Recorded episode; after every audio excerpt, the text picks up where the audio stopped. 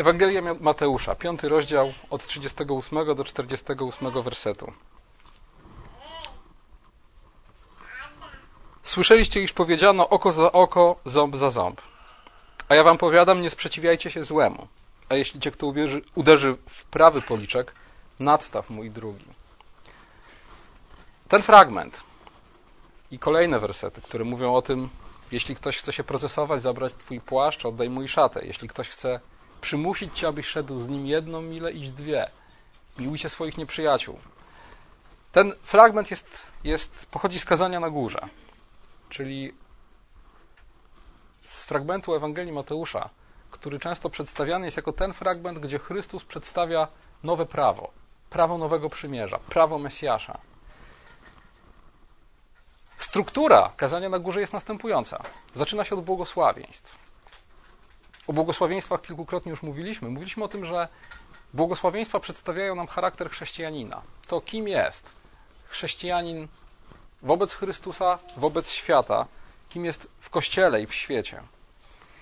Po błogosławieństwach następuje deklaracja o soli i światłości. Wy jesteście solą ziemi, wy jesteście światłością świata. A potem Chrystus mówi o tym, jaki jest jego stosunek do prawa Starego Testamentu, do prawa mojżeszowego i mówi, nie mniemajcie, że, przy, że przyszedłem znieść prawo lub proroków. Nie przyszedłem znieść, lecz wypełnić. Dlaczego mówię teraz o strukturze kazania na górze? Po to, żeby pokazać, jaki jest kontekst słów. Miłujcie waszych nieprzyjaciół. Jaki jest kontekst słów nadstaw drugi policzek. Kontekst jest taki, że przychodzi Chrystus Mesjasz i jednym z jego zadań jest wyjaśnić nam prawo, wyjaśnić nam Boże przykazania, rzucić światło na to, co przez ludzi zostało zaciemnione. Oczyścić prawo, jak to napisał swego czasu Kalwin, z kwasu faryzeuszy. I Chrystus robi to, robi to w sposób, który wszyscy automatycznie odczytują jako sposób pełen autorytetu, bo mówią, on nie naucza jak jeden z rabinów, on uczy jak ktoś mający moc. On mówi: Słyszeliście, że powiedziano, a ja wam powiadam. Co na pierwszy rzut oka wygląda na jakieś przeciwieństwo. Na pierwszy rzut oka wygląda to tak, jak gdyby Chrystus przeczył Mojżeszowi, albo co najmniej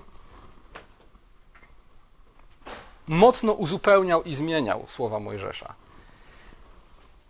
Ale jeśli odczytamy słowa Chrystusa w kontekście tej deklaracji, nie przyszedłem znieść, ale wypełnić, to już wiemy, że Chrystus nie dyskutuje z Mojżeszem, Chrystus nie zmienia tego, co przyniósł Mojżesz.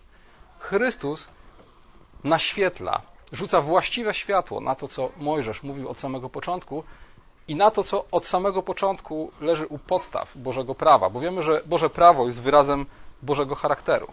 A więc jeśli Chrystus mówi, a ja wam powiadam, to nie znaczy, że ustawia się w jakimś przeciwieństwie, w jakiejś antytezie w stosunku do Mojżesza, tylko oczyszczając prawo z kwasu faryzeuszy, oczyszczając je z nieporozumień, oczyszczając je z błędnych interpretacji, mówi nam, jak prawo należało rozumieć od samego początku. Końcówka fragmentu, który dzisiaj omawiamy, 48 rozdział, mówi nam, i to jest bardzo cenna w ogóle wskazówka interpretacyjna w rozumieniu całego kazania na górze i w ogóle w rozumieniu Chrystusowego nauczania. 48 werset 5 rozdziału mówi nam o tym, jaki jest cel Bożego prawa. Mówi: Bądźcie tedy doskonali, jak Ojciec Wasz niebieski doskonały jest. A więc, dlaczego Chrystus musi na nowo wyjaśnić prawo?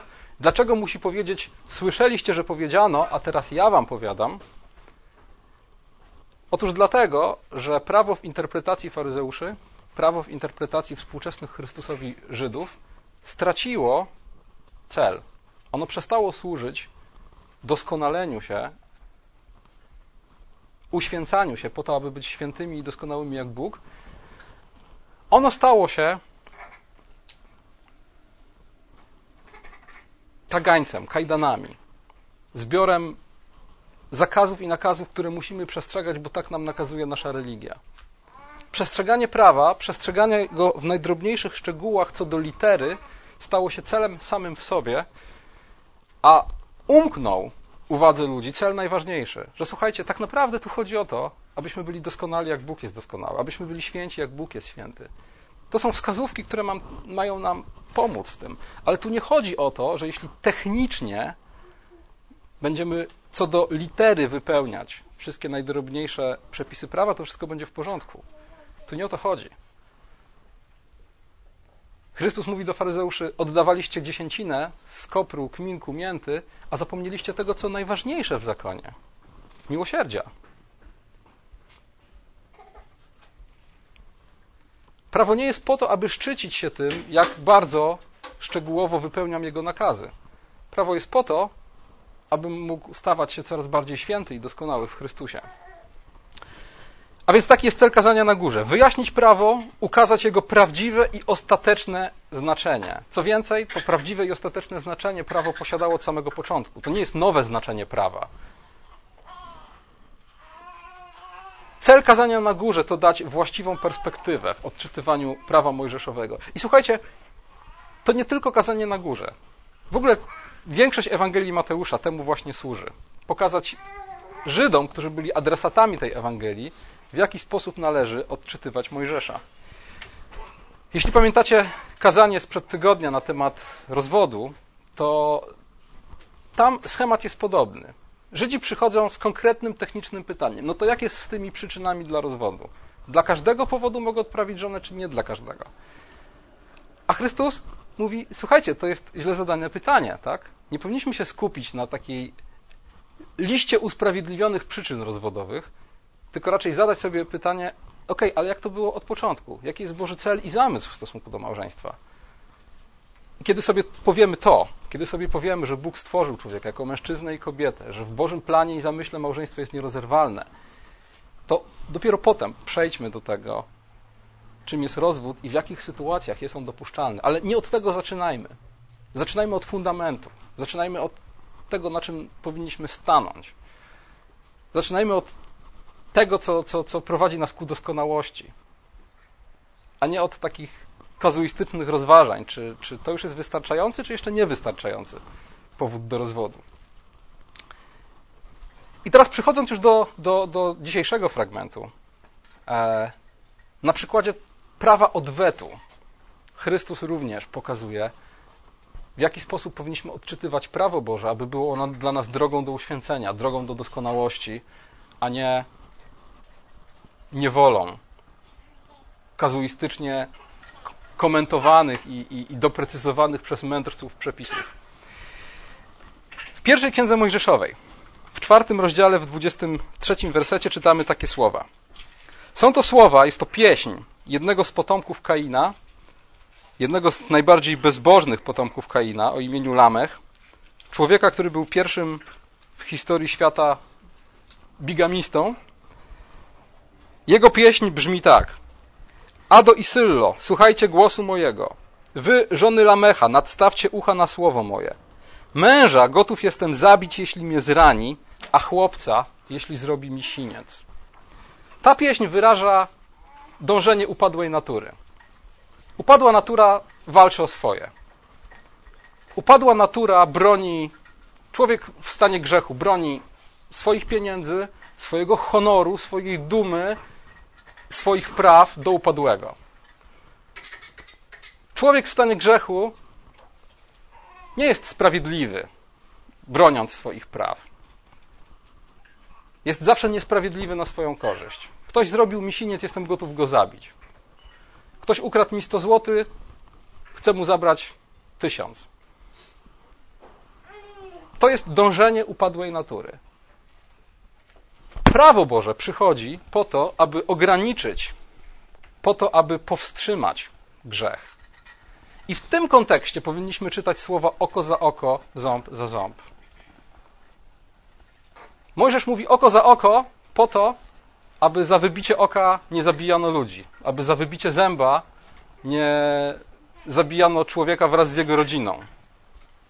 Upadła natura nie chce sprawiedliwości, chce odwetu, chce odwetu przewyższającego krzywdę, której doznałem.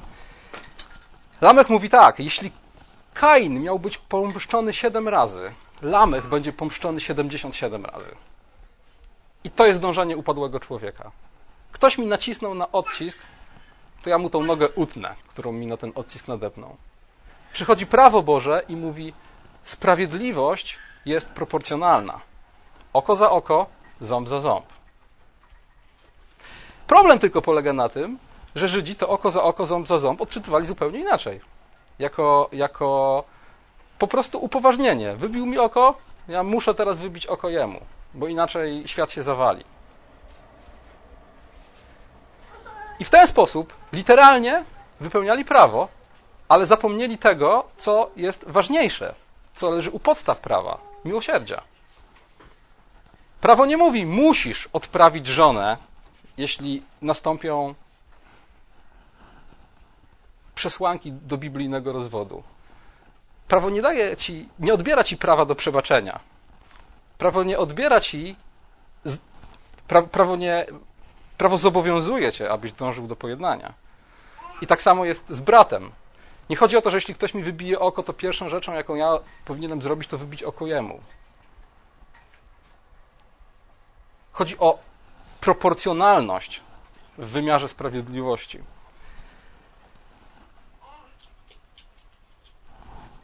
Chrystus zaczyna od słów: Słyszeliście, że powiedziano oko za oko, ząb za ząb, a ja wam powiadam, nie sprzeciwiajcie się złemu. I słuchajcie, duży problem jest w tym tłumaczeniu, bo nie sprzeciwiajcie się złemu.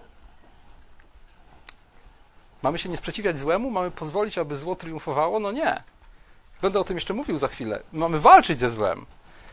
Ten fragment jest źle przetłumaczony. Dużo lepiej tłumaczy je współczesne ekumeniczne tłumaczenie, które mówi: Nie zwalczajcie zła złem. I o to tutaj chodzi. Chrystus mówi: Słyszeliście, że powiedziano oko za oko, ząb za ząb? A ja wam powiadam: Nie zwalczajcie zła złem. Jeśli stało się zło, poszukajcie sposobu na to, aby zło zwalczyć dobrem. Co czasem oznacza, że jeśli ktoś cię uderzy w prawy policzek, nadstaw mu drugi. Co oznacza uderzenie w prawy policzek? Ujmę na czci, ujmę na honorze. Uderzenie w policzek to nie jest rana, tak? to nie jest ból. To jest raczej jakiś dyshonor, który nas spotkał, jakaś potwarz. Coś, co słusznie bądź czasem nawet niesłusznie odczytujemy jako, jako naruszenie naszej dumy, godności. Co mogę wtedy zrobić? A mogę odpowiedzieć tym samym. Nie? Uderzyć kogoś w policzek, to znaczy też naruszyć jego godność. Ale Chrystus mówi, to będzie dodanie zła do zła. Jeśli to zrobię, jeśli zastosuję tutaj, w tej dziedzinie, prawo odwetu, zamiast jednego zła na świecie, będzie już podwójne zło na świecie. Ale jeśli ja odpowiem dobrem, zawstydzę i obnażę zło, być może przywiodę człowieka, który mnie krzywdzi do upamiętania, a już na pewno sprawię jedną rzecz. W sumie świat będzie trochę lepszy niż, niż był przed chwilą. Bo do zła, które się stało, dodam dobro, a wiem, że dobro zwycięża zło. List do Rzymian. Myślę, że warto czytać te słowa w kontekście 12 rozdziału listu do Rzymian, ponieważ on uzupełnia i wyjaśnia słowa Chrystusa, które odnajdujemy pod koniec 5 rozdziału Ewangelii Mateusza. List do Rzymian, rozdział 12, werset 17.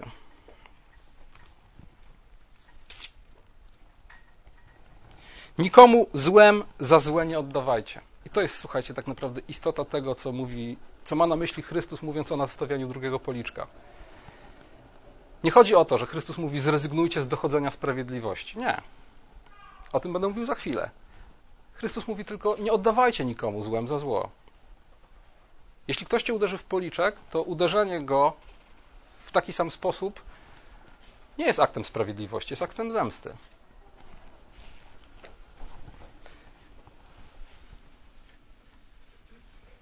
Powiedziałem, że Chrystus nie zabrania nam dochodzenia sprawiedliwości. I to jest oczywiste. I to mówi Paweł w liście do Rzymian. Najmilsi, nie mścicie się sami. Tak? To jest punkt wyjścia. Nie mścicie się sami. Ale czy to oznacza, że mamy godzić się z tym, że zło pozostaje bez kary? Nie. Pozostawiajcie to gniewowi Bożemu. Albowiem napisano: Pomsta do mnie należy. Ja odpłacę, mówi Pan.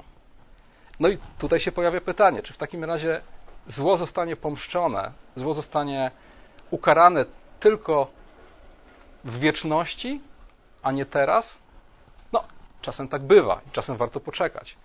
Ale to nie znaczy, że zawsze mamy czekać do wieczności na to, by zobaczyć, jak zło jest ukarane, dlatego że 12 rozdział, 19 werset listu do Rzymian, który przeczytałem przed chwilą, należy czytać w kontekście 13 rozdziału, 4 wersetu, który mówiąc o władzy publicznej, mówi tak: Jest ona bowiem na służbie u Boga, tobie ku dobremu.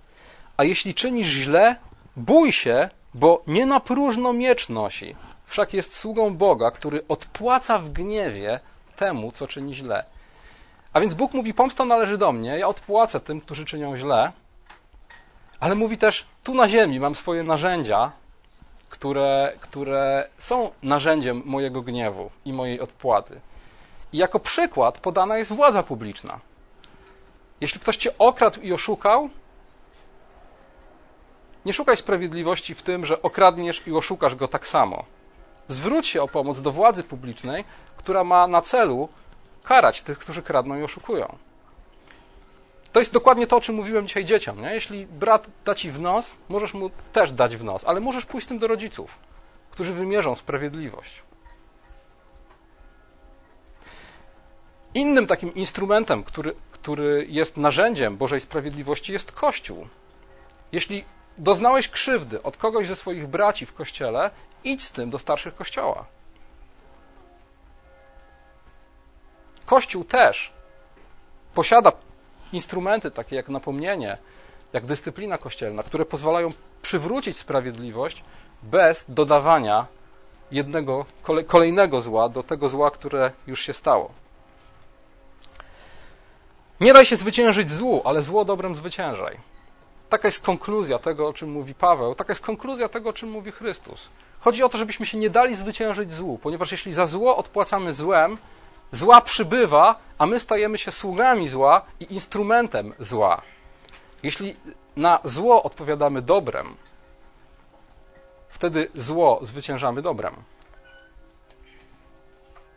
Nie musimy rezygnować z szukania sprawiedliwości, musimy tylko sprawiedliwości szukać w biblijny sposób, oferując jednocześnie temu, który nas krzywdzi, gotowość do przebaczenia i gotowość do, do, do tego, aby, aby mu usłużyć. I słuchajcie, o tym znowu mówi apostoł Paweł. Jeśli tedy łaknie nieprzyjaciel twój, nakarm go. Jeśli pragnie, napój go, bo czyniąc to, węgle rozżarzone zgarniesz na jego głowę. Jeśli ktoś cię krzywdzi, odpowiedz mu dobrem. Jeśli widzisz, że twój nieprzyjaciel jest w potrzebie, pomóż mu. W ten sposób sprowadzisz na jego głowę sąd. A jak wiemy, sąd nad grzesznikiem może się dokonać na dwa sposoby: przez zbawienie, kiedy stary człowiek umiera i rodzi się nowy w Chrystusie, albo przez śmierć. A zatem celem tego, o czym mówi Chrystus, jest zawstydzić zło, rozbroić je. Kiedy odpowiadamy złem za zło, tak jakbyśmy dodawali oręża diabłu. Powiększali szeregi jego armii. Kiedy odpowiadamy dobrem za zło, rozbrajamy zło, wystawiamy je na pośmiewisko. Chrystus mówi tutaj o drugim policzku, który mamy nadstawiać, i o tym, że jeśli ktoś chce ode mnie płaszcz, mam mu oddać i szatę, czyli o dobrach materialnych. I mówi też o tym, jeśli ktoś chce, abyś poszedł z nim jedną milę, idź dwie. Mówi tutaj o bezpodstawnych oczekiwaniach ludzi wobec nas. Konkluzja tego, co mówi Chrystus, jest taka. Jeśli nie masz innej możliwości, jeśli możesz jedynie odpłacić złem albo ulec, okazując dobro temu, który cię krzywdzi, spróbuj tej drugiej strategii. Dlatego, że ona więcej chwały przyniesie Tobie i więcej pożytku przyniesie Królestwu Bożemu. Skoro mam odpowiadać dobrem na zło, no to prostą konsekwencją tego są kolejne słowa Chrystusa, który mówi: Miłujcie waszych nieprzyjaciół. No bo kto jest moim nieprzyjacielem? Moim nieprzyjacielem jest ten, kto, kto mnie krzywdzi. List do Rzymian mówi tak, 12 rozdział, 18 werset. Jeśli można, o ile to od was zależy, ze wszystkimi ludźmi pokój miejcie. E, taka ma być nasza postawa wobec ludzi. Jeśli to ode mnie zależy, powinienem dążyć do tego, aby ze wszystkimi ludźmi żyć w zgodzie. To jest postawa, której oczekuje od nas Chrystus. Ale Paweł mówi, jeśli to możliwe, jeśli to od was zależy. Nie zawsze jest to możliwe i nie zawsze to od nas zależy, czego przykład znajdujemy między innymi w drugim liście do Tesaloniczan, w trzecim rozdziale, drugim wersecie, gdzie Paweł mówi: Módlcie się za nas, aby słowo Pańskie krzewiło się i rozsławiało wszędzie, podobnie jak u Was, i abyśmy byli wybawieni od ludzi przewrotnych i złych, albowiem wiara nie jest rzeczą wszystkich. Świat jest pełen ludzi przewrotnych i złych, i choćbyśmy stawali na głowie, nie ze wszystkimi jesteśmy w stanie żyć w zgodzie, zwłaszcza jeśli będziemy wierni Chrystusowi, a ludzie, którzy nas otaczają, są wrogami Krzyża Chrystusowego. Wiara nie jest rzeczą wszystkich. I wtedy mamy do czynienia z człowiekiem, którego Biblia nazywa moim wrogiem. I w jaki sposób powinienem się do niego odnosić? Chrystus mówi: Miłujcie nieprzyjaciół waszych i módlcie się za tych, którzy was prześladują. Co to znaczy w praktyce? No, w praktyce znaczy to dokładnie tyle, ile czytaliśmy przed chwilą w liście do Rzymian. Jeśli twój nieprzyjaciel jest głodny, nakarm go. Jeśli jest w potrzebie, pomóż mu. A ściągniesz w ten sposób sąd na jego głowę.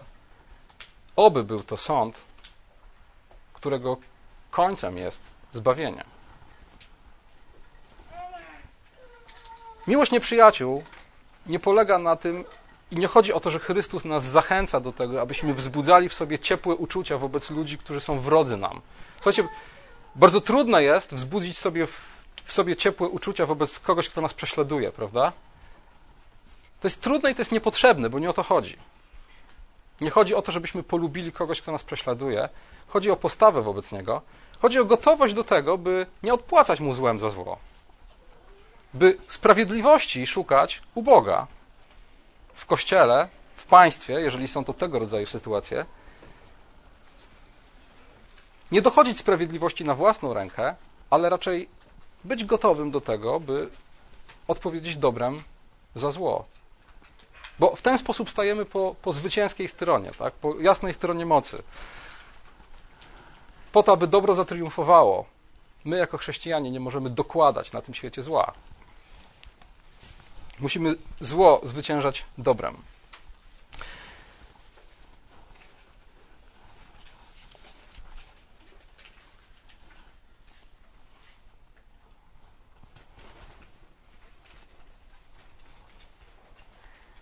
W tym wszystkim powinniśmy naśladować Boga, o którym Biblia mówi, że deszcz Jego spada na sprawiedliwych i niesprawiedliwych, że słońce Jego wschodzi nad sprawiedliwymi i niesprawiedliwymi. Bóg nie szuka sprawiedliwości natychmiast, od razu i za wszelką cenę, za cenę zła. On wymierza sprawiedliwość we właściwym czasie, w sposób w pełni święty i sprawiedliwy. On odpłaca dobrem za zło i znowu list do Rzymian upewnia nas w tym, że robi tak między innymi ze względu na swoją cierpliwość, jaką okazuje grzesznikom. Jego dobroć ma prowadzić ludzi do upamiętania. I słuchajcie, dokładnie tak samo powinno być z naszą dobrocią, z, naszym, z naszą miłością. Ona powinna prowadzić naszych nieprzyjaciół do nawrócenia. Ale znowu apostoł Paweł nie pozostawia wątpliwości, że jeśli ta dobroć powoduje jeszcze większą zatwardziałość, efektem jest jeszcze bardziej surowy sąd. I dokładnie tak samo jest w naszych relacjach z ludźmi. Jeśli okazujemy im miłość w odpowiedzi na zło, powinno ich to prowadzić do upamiętania. Jeśli doprowadzi ich to do upamiętania, chwała Bogu. Jeżeli nie, Bóg okaże nad nimi swój sąd. Konkluzja. Boże Chrystusowe prawo jest szkołą doskonałości, a nie instrukcją obsługi. Nie chodzi o to, aby wypełnić literalnie każdy szczegół prawa, nie zważając na jego cel. Chodzi o to, aby prawo Boże używać, prawa Bożego używać jako instrument wzrostu, jako coś, co prowadzi nas do tego, byśmy byli doskonały, doskonali w Bogu, abyśmy byli dojrzali w Chrystusie. A więc czytając prawo, nie powinniśmy patrzeć na nie jak na a, spis takich minimalnych wymagań, jakie Bóg na, ma wobec nas. Tylko raczej powinniśmy szukać tego, co u podstaw prawa leży, czyli Bożego charakteru. Oko za oko, ząb za ząb jest granicą odwetu, a nie nakazem, aby ten odwet stosować zaraz i natychmiast i w każdej sytuacji. Oko za oko to jest wyzwanie rzucone Lamechowi. Wyzwanie, które mówi: szukając sprawiedliwości, powinieneś szukać proporcjonalnej odpłaty. Ale ponadto jest prawo miłosierdzia, które mówi: czyń dobro tam, gdzie panuje zło. Zło dobrem zwyciężaj. Nasze dążenie do odpłaty, do szukania sprawiedliwości na własną rękę bardzo szybko zamienia się w ślepy odwet, powodowany nienawiścią. I dlatego Bóg przestrzega nas przed tym, dla naszego dobra. Nie szukaj odwetu na własną rękę. Nie mścicie się sami, bo to, to, to wam zaszkodzi. To, to będzie przeszkodą w waszym uświęceniu, w waszym podążaniu za Chrystusem. Pozostawcie to gniewowi Bożemu. Sami odpłacajcie dobrem za zło. Po co? Dla Królestwa Bożego. Dla waszego wzrostu w Chrystusie. I słuchajcie, rzecz, którą chciałbym bardzo mocno podkreślić. Nie chodzi o bierność wobec zła. To ludzie, którzy wyrywają z kontekstu słowa nadstaw drugi policzek, przedstawiają przesłanie Chrystusowe jako takie pacyfistyczne, tak? I niestety to błędne tłumaczenie, nie sprzeciwiajcie się złu, ona wspiera taką błędną interpretację, że chrześcijanin ma być po prostu bierny wobec zła. To jest bzdura. Kiedyś mówiłem całe kazanie, jeśli pamiętacie, na temat tego, żeby złu się czynnie przeciwstawiać. To było kazanie e, z Księgi Przypowieści, na podstawie słów, które, które, które tam odnajdujemy. Ratuj wleczonych na śmierć. Wstrzymaj rózgi, by nie zabijały. Czy powiesz, nie wiedziałem tego? Kto bada serca, ma nie rozumieć? Wie ten, który dusz dogląda i według czynów odda każdemu. Ratuj wleczonych na śmierć, a więc nie pozwól na to, aby zło zatriumfowało. Kiedy widzisz człowieka niesprawiedliwie krzywdzonego, stań po jego stronie. Bardzo wiele zła stało się na świecie ze względu na bierność chrześcijan wobec zła. A więc nie wolno nam tych słów Chrystusa o nadstawieniu drugiego policzka odczytywać jako zachęty do bierności. Jeśli widzisz, że są krzywdzeni ludzie, wstaw się za nimi. Jeśli możesz zrobić coś dla tych, którzy, którzy są prześladowani, zrób to. Jeśli widzisz wleczonych na śmierć, ratuj ich. Jeśli dzieje się niesprawiedliwość, szukaj sprawiedliwości w biblijny sposób. Ale jeśli chodzi o sytuację, w której ty jesteś krzywdzony, kiedy ktoś uderzy cię w policzek, kiedy masz stracić na czymś, kiedy ktoś wymaga od ciebie rzeczy, do których nie jesteś zobowiązany, to zastanów się, co przyniesie więcej dobra Odwet? Czy raczej szukanie sprawiedliwości u Boga w połączeniu z postawą miłości, przebaczenia i gotowości do czynienia dobra w stosunku do tego, który Ciebie prześladuje, który Ciebie krzywdzi? A więc słuchajcie, chodzi tak naprawdę o gotowość do ustąpienia. Chodzi o to, co apostoł Paweł miał na myśli w hymnie o miłości, kiedy mówi, że miłość nie szuka swego. Człowiek, upadła natura ludzka szuka swego. My chcemy zawsze do końca dopiąć swego. Zawsze do końca zabezpieczyć wszystkie nasze interesy. Zawsze mieć ostatnie słowo. Żeby, broń Boże, nie zostać komukolwiek dłużny, tak? Tutaj opacznie zwykle chcielibyśmy interpretować słowa apostoła Pawła nikomu nic dłużni nie bądźcie, tak?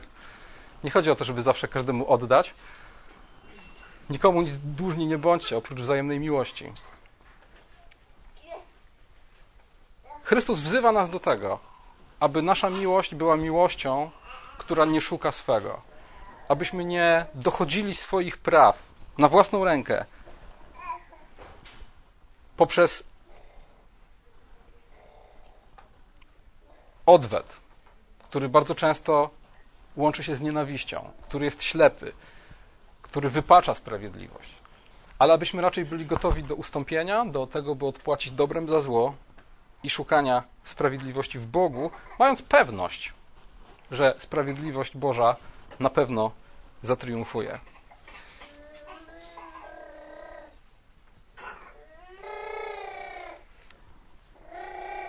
Te słowa Chrystusa przypominają nam też o łasce, którą Bóg nam okazał w Chrystusie. Skoro nie powinniśmy szukać odwetu teraz, zaraz i natychmiast, kierując się Bożym charakterem, tym jaki jest Bóg, to powinniśmy w tym momencie wspomnieć, że żyjemy, jesteśmy tym, kim jesteśmy, jesteśmy dziećmi Bożymi tylko dlatego, że sam Chrystus stosuje zasady, do których stosowania wzywa nas w dzisiejszej Ewangelii. Nie szuka śmierci grzesznika natychmiast, wiecznej śmierci grzesznika natychmiast, kiedy ten wystąpi przeciwko niemu, ale w swojej cierpliwości, okazując dobro, sprawiając, że deszcz spada na sprawiedliwych i niesprawiedliwych, że słońce wschodzi dla sprawiedliwych i niesprawiedliwych, okazując wiele dobra tym, którzy przeciwko niemu knują zło, w swojej cierpliwości oczekuje na ich nawrócenie. Słuchajcie, można powiedzieć, że Chrystus wiele razy nadstawiał drugi policzek nam, prawda? Wiele razy rzucaliśmy mu wezwanie, wiele razy występowaliśmy przeciwko jego czci, tak? naruszaliśmy honor i godność Stwórcy Wszechświata. Wiele razy domagaliśmy się od niego rzeczy, które nam się nie należało i byliśmy bardzo niezadowoleni, źli na Boga, że on nie spełnia naszych zachcianek. Wiele razy chcieliśmy się z nim procesować o płaszcz, tak? Wiele razy chcieliśmy udowadniać, że coś nam się od niego należy. I tylko dzięki temu, że on sam stosuje się do zasad, do których stosowania nas wzywa, żyjemy i jesteśmy dzisiaj tym, kim jesteśmy. Ponieważ on nadstawia drugi policzek, on odpłaca dobrem za zło w nadziei, że to właśnie przywiedzie nas do upamiętania. I powinniśmy być bardzo Bogu wdzięczni za tą cierpliwość, którą nam okazał, że okazywał nam ją wystarczająco długo, abyśmy mogli rozpoznać stan, w jakim się znajdujemy, ukorzyć się przed Nim i rozpoznać w Chrystusie Zbawiciela, tego, w którym możemy otrzymać przebaczenie grzechów. Amen. Powstańcie proszę.